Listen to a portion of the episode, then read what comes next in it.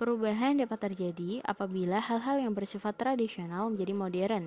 Perubahan semacam ini dikenal dengan istilah modernisasi. Modernisasi adalah usaha untuk hidup sesuai dengan zaman dan konstelasi dunia sekarang. Modernisasi mencakup sistem nilai, cara berpikir, berperasaan, dan bertindak, serta teknologi yang sesuai dengan kondisi zaman sekarang.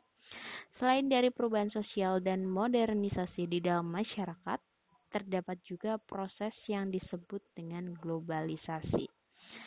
Globalisasi sendiri merupakan terbentuknya suatu sistem organisasi dan komunikasi antar masyarakat di seluruh dunia untuk mengikuti sistem dan kaidah yang sama secara cepat. Globalisasi melanda berbagai bidang, baik di bidang iptek, ekonomi, transportasi, politik, maupun budaya. Kita harus bersyukur kepada Tuhan Yang Maha Esa karena globalisasi membawa dampak yang positif.